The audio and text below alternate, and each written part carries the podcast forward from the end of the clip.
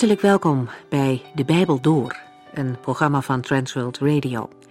De Bijbel Door is een radioserie die u in vijf jaar meeneemt door de hele Bijbel. Van Genesis 1 tot Openbaring 22.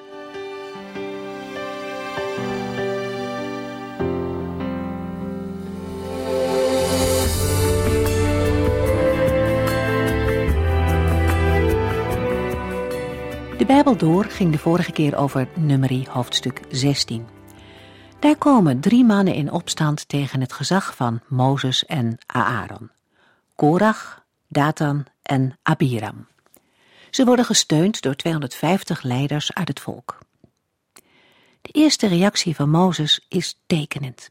Hij buigt zich voor de Heere die hem deze taak gegeven heeft. Mozes gaat dus niet in eigen kracht aan de gang. Hij laat zich niet door zijn eigen gevoelens leiden. In zo'n situatie waarin je persoonlijk aangevallen en afgewezen wordt, is het voor de hand liggend om op een of andere manier terug te slaan. Maar Mozes zoekt de leiding van de Heere om goed met deze situatie om te kunnen gaan. Als hij opstaat, geeft hij de opdracht om de volgende dag met een vuurpan en wierook te verschijnen. Dan zal de Heere zelf aangeven wie hem als priesters mogen dienen. Mozes laat het oordeel aan de Heere over. En hij legt ook de vinger op de zere plek. De levieten waren uitgekozen om bijzonder werk voor de Heere te doen, zowel in de tabernakel als onder het volk. Maar dat was niet genoeg voor hen. Ze wilden ook de eer van het priesterschap. En dat had God alleen aan Aaron en zijn zonen toegekend.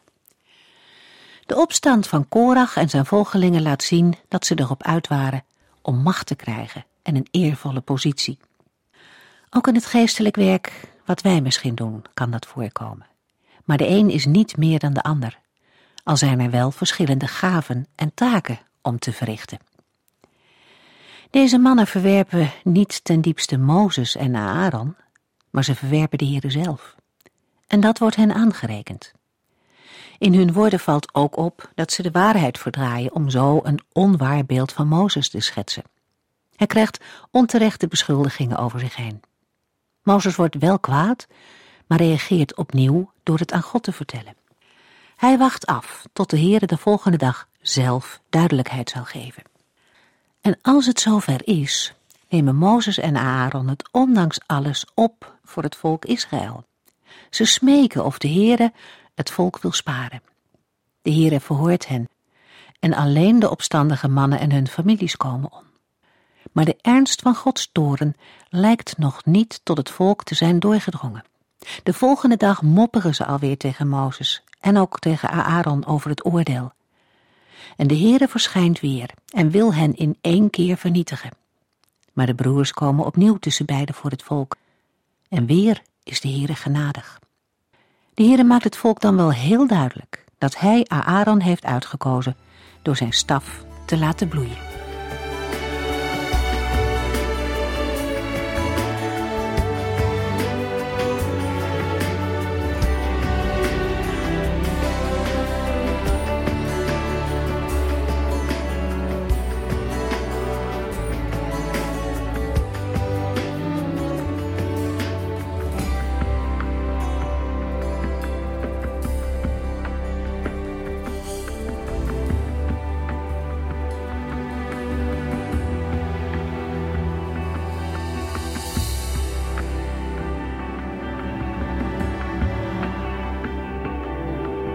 In de vorige uitzending lazen we over de opstand van Korach, Datan, Abiram en de 250 leiders van Israël.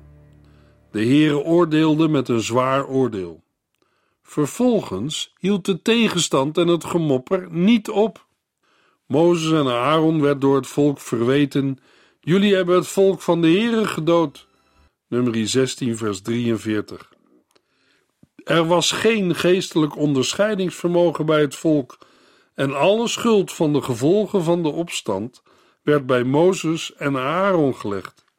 Maar Mozes en Aaron waren niet schuldig aan de dood van de opstandelingen. Bij de ingang van de tabernakel zei de Heere tegen Mozes: Ga bij die mensen uit de buurt, zodat ik ze in één slag kan vernietigen. Daarna werpen Mozes en Aaron zich voor de Heere op de grond. en weet Mozes door een snel ingrijpen de vernietiging van het hele volk te voorkomen. In nummer 16, vers 46 en 48 lazen we dat Mozes tegen Aaron zegt: Snel, pak een vuurpan en doe er vuur uit het altaar in. Leg er reukwerk op en begeef je tussen de mensen om verzoening over hen te doen.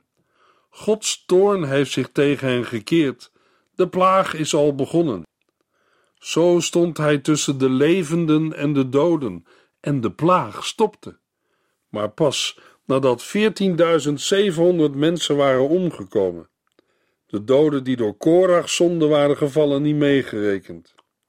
Toen ging Aaron terug naar Mozes bij de ingang van de tabernakel. De plaag was opgehouden. Daarna in nummer 17 bevestigde de Heer het priesterschap van Aaron door zijn staf te laten bloeien, met bloesems en rijpe amandelen. De Heer had gezegd: Ik zal de man aanwijzen die ik heb uitgekozen. Zijn staf zal tot bloei komen. Zo zal ik de klachten van de Israëlieten tot zwijgen brengen. Nummer 17, vers 5. In nummer 18 wordt nu de verhouding tussen priesters, levieten en Israëlieten nader geregeld. Nummer 18, vers 1. De Heere zei erop tegen Aaron: U en uw zonen zijn verantwoordelijk voor elke ontheiliging van het heiligdom, en u draagt ook de gevolgen van elke ontheiliging van het priesterambt. Dit vers is het antwoord op de wanhopige vraag van de Israëlieten uit het slot van nummer 17. Wij sterven straks allemaal. Iedereen die in de buurt van de tabernakel komt, sterft. Moeten wij hier dan allemaal omkomen? In nummer 18 zegt de Heere tegen Aaron dat zij verantwoordelijk zijn voor wat er gebeurt bij de tabernakel. Daarbij moeten we het voorgaande in herinnering houden. We moeten ons vooral herinneren dat Korach een leviet was.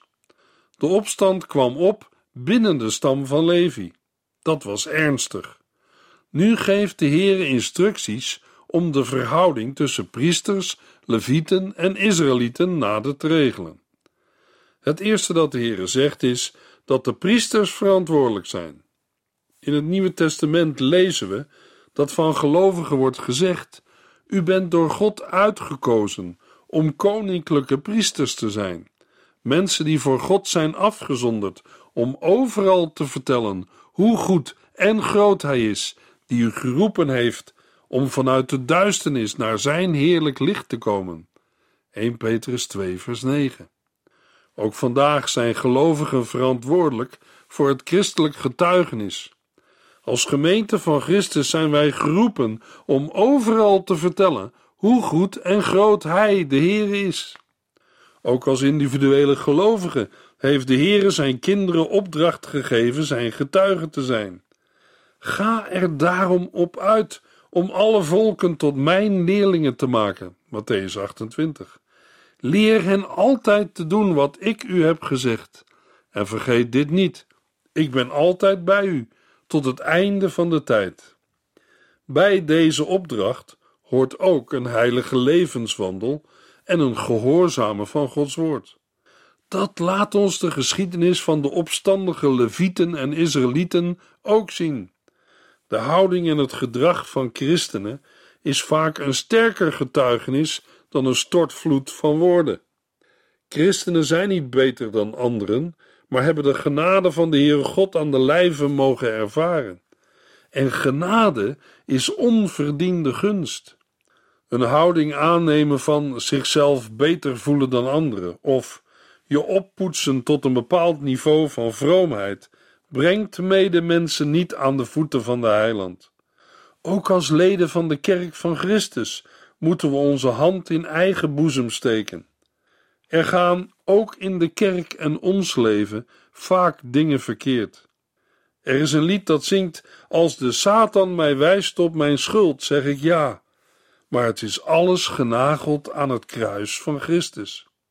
Hij heeft gezegd: Het is volbracht. Hij heeft al mijn zonden gedragen. Jesaja 53, vers 11. Luisteraar, ik wil u en jou om vergeving vragen voor kerkmensen die u pijn hebben gedaan, of liefdeloos hebben behandeld. Wilt u ons vergeven voor al die keren dat wij geen leesbare brief van Christus waren? Geen lichtend licht of zoutend zout? En als u zoiets is overkomen, laat het niet tussen u en de Heere komen. Beoordeel hem niet op het gedrag van zijn grondpersoneel. Als er zonden in de kerk zijn, dan dragen kerkmensen daar zelf verantwoordelijkheid voor. Gelovigen kunnen de verantwoordelijkheid voor zonde in hun leven, in hun gezin en in hun kerk of gemeente niet ontlopen of afschuiven. Na alles wat er is gebeurd onder de Levieten, kan Aaron geen houding aannemen dat hij beter is dan zij. Hij kan er niet prat op gaan dat hij door de Heer is uitverkoren en dat de Heere hem als hoge priester heeft uitgekozen. Nummer 18, vers 2 en 3. Uw broeders van de stam Levi zijn uw assistenten, maar alleen u en uw zonen mogen de heilige taken in de tabernakel uitvoeren. De Levieten moeten ervoor oppassen dat zij geen heilige voorwerpen of het altaar aanraken, anders vernietig ik hen en u. De Heere geeft in hoofdlijnen de taken van de priesters aan. Dat wil zeggen, voor Aaron en zijn zonen. Zij zijn belast met de dienst in de tabernakel, het vaatwerk van het heiligdom en het altaar. Terwijl de wanhopige vraag nog naklinkt of ieder moet sterven die te dicht bij de tabernakel komt, richt de Heere het woord tot de Aaron. De angst van het volk is ongegrond.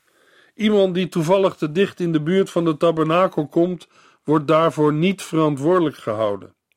Overtredingen tegen de tabernakel worden Aaron, zijn zonen en de levieten aangerekend.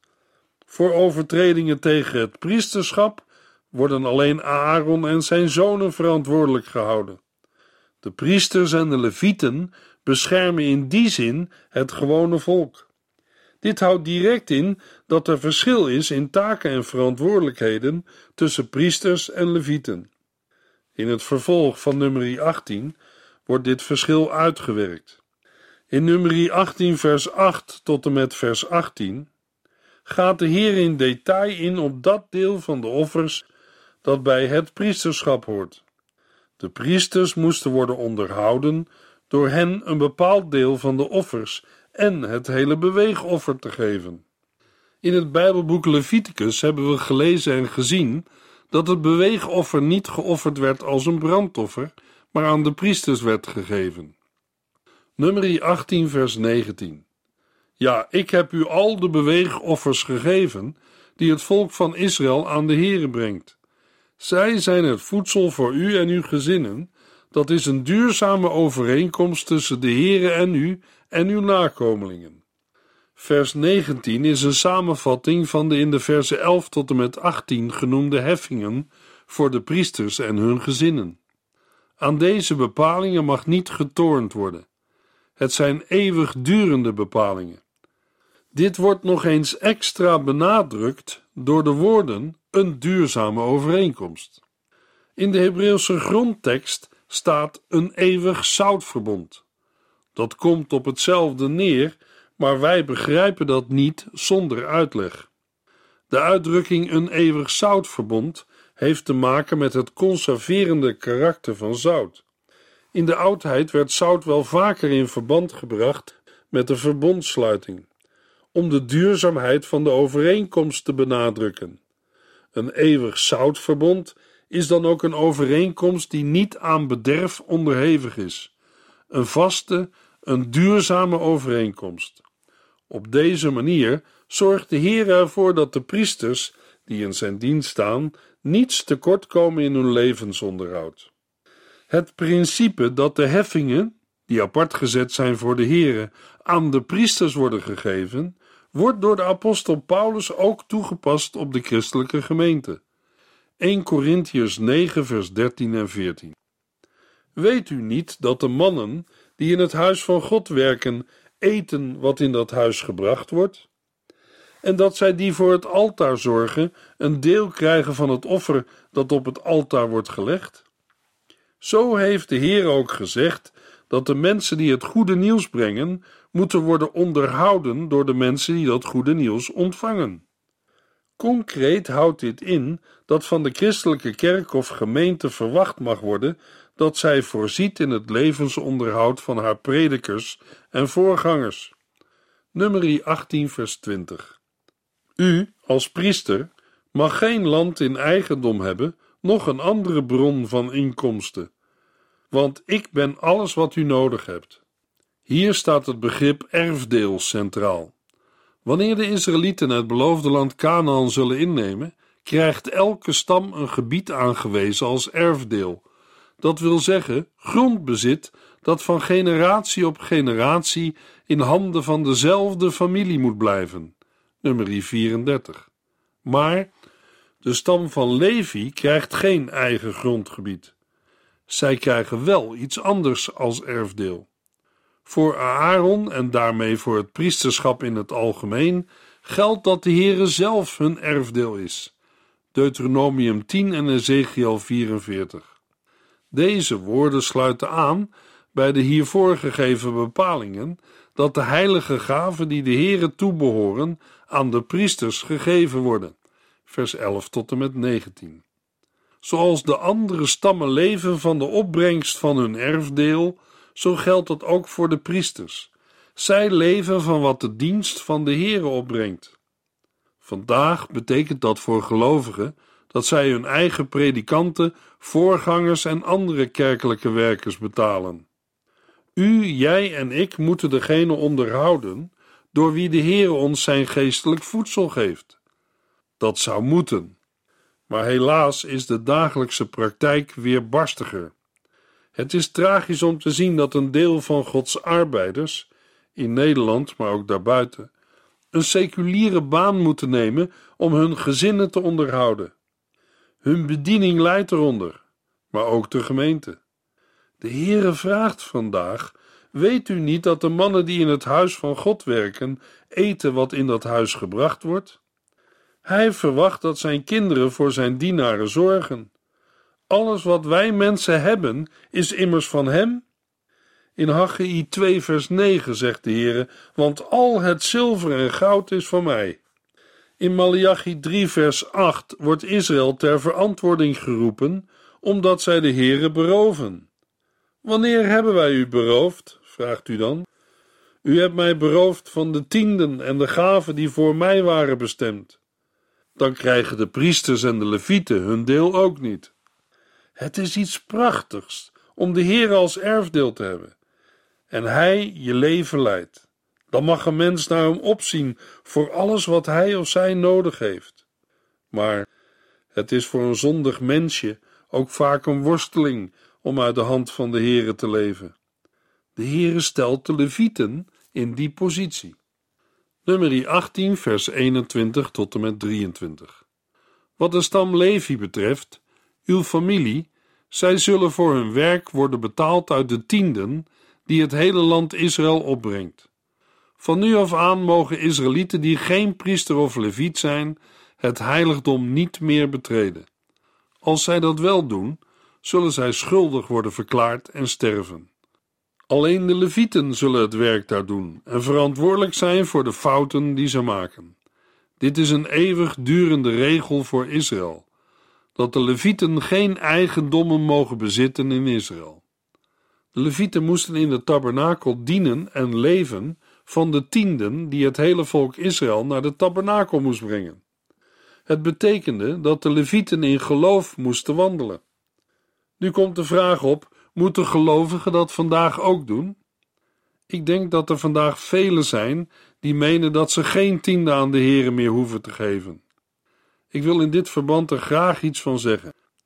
We hebben het hier over regels en verordeningen uit de wet van Mozes.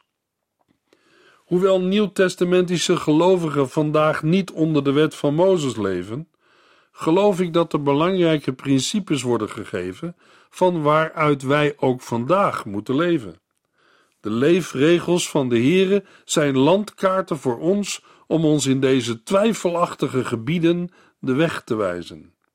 De wet van Mozes is een tuchtmeester tot Christus, Zonder de wet weet een mens niet dat hij of zij iets gedaan heeft wat de Heer niet wil. Dat geldt voor een heleboel dingen, maar ook voor de tiende. We lezen zelfs dat niet alleen de Israëlieten tiende moesten geven, maar ook de priesters en de levieten.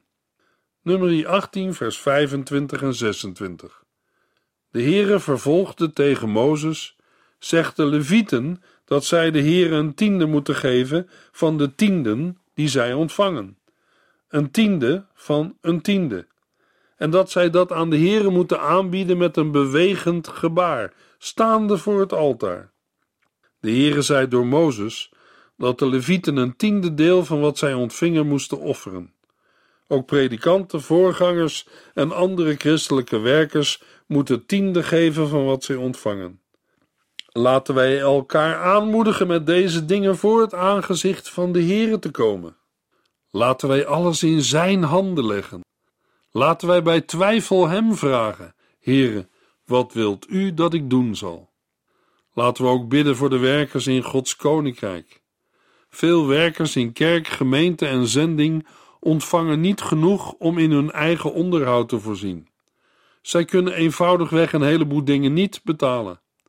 Op de buitenlandse reizen die ik heb mogen meemaken, maar ook in ons eigen land, ben ik onder de indruk gekomen van de armoede waarin sommige zendelingen en anderen moeten werken en dienen. Ze reden vaak rond in auto's die eruit zagen alsof ze elk moment uit elkaar konden vallen.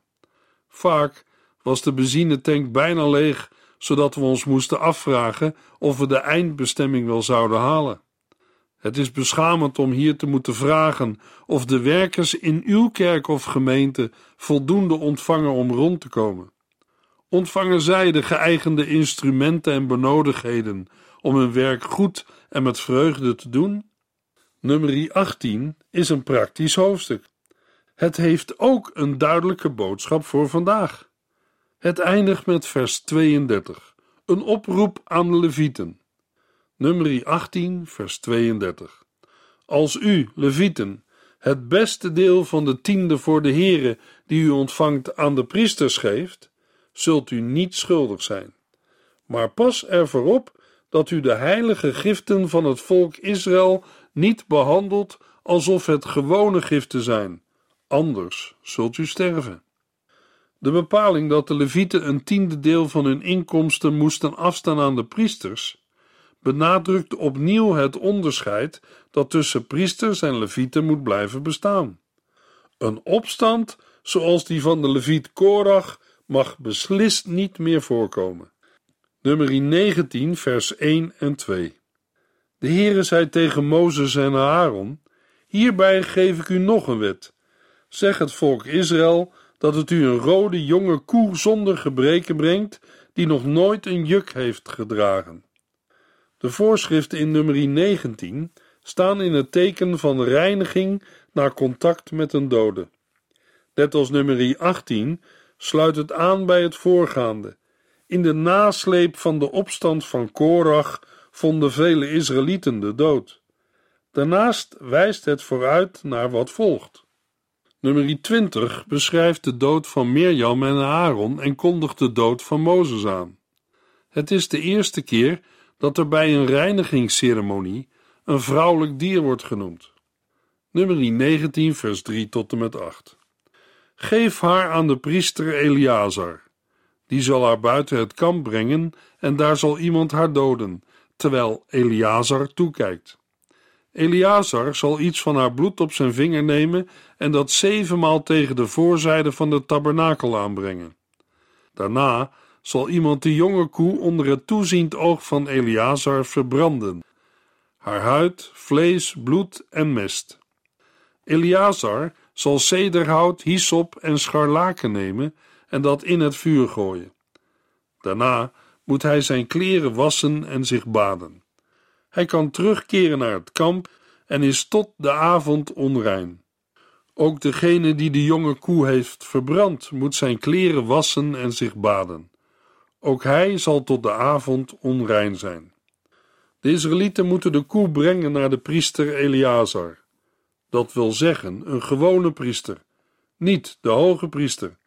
die mag zich niet laten verontreinigen door iets dat met de dood te maken heeft. Wat is hiervan de bedoeling? In nummer 19 worden eerst de handelingen beschreven waarmee reinigingswater wordt verkregen. Vers 1 tot en met 10. Dit reinigingswater speelt een rol bij de handelingen die uitgevoerd moeten worden wanneer iemand met de dood of een dode in aanraking is gekomen en die in het vervolg van nummer 19 worden beschreven. Vers 11 tot en met 22. Onder toezicht van de priester wordt de koe buiten de legerplaats geslacht. De priester doopt vervolgens zijn vinger in het bloed en sprenkelt daarmee zevenmaal in de richting van de voorkant van de tabernakel. Daarna wordt de koe in haar geheel verbrand. Het zijn geen offerhandelingen die hier worden uitgevoerd. Het is een gewone Israëliet, niet de priester, die de koe verbrandt en van een altaar is nergens sprake. Verder wordt niet alleen het vlees, maar ook de huid, het bloed als drager van het leven en de mest verbrand. Nummer 19, vers 9. Dan zal iemand die niet onrein is, de as van de verbrande jonge koe verzamelen en die naar een reine plaats buiten het kamp brengen, waar het zal worden bewaard om voor het volk Israël het water te bereiden dat nodig is bij de reinigingsceremonies voor de afwassing van zonden. In nummer 19, vers 17 tot en met 19 wordt beschreven hoe uit de as van de jonge koe reinigingswater moet worden gemaakt en hoe dit moet worden gebruikt. De slotwoorden van nummer 19, vers 20 tot en met 22, maken duidelijk dat de bepalingen eeuwigdurend zijn, zowel voor de Israëlieten als voor de vreemdelingen die in hun midden wonen. Dat houdt in dat ook nadat Israël Canaan is binnengetrokken, het reinigingswater op deze manier vervaardigd moet worden. Zo wordt benadrukt dat alles en iedereen die op enige wijze met de dood in aanraking komt, zelfs al is het indirect, onrein wordt en daardoor niet in Gods tegenwoordigheid kan komen. De God van het leven heeft niets met de dood van doen. In Hebreeën 9, vers 13 wordt verwezen naar de handelingen met het reinigingswater.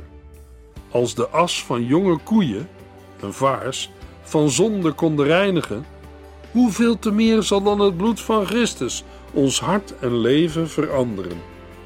In de volgende uitzending lezen we nummer 20.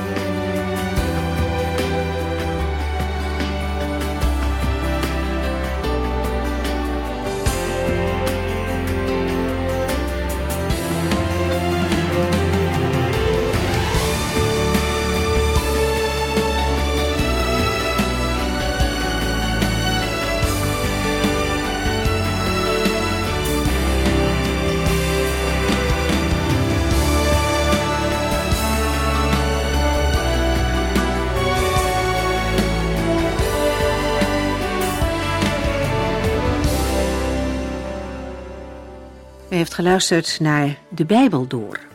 In het Nederlands vertaald en bewerkt door Transworld Radio.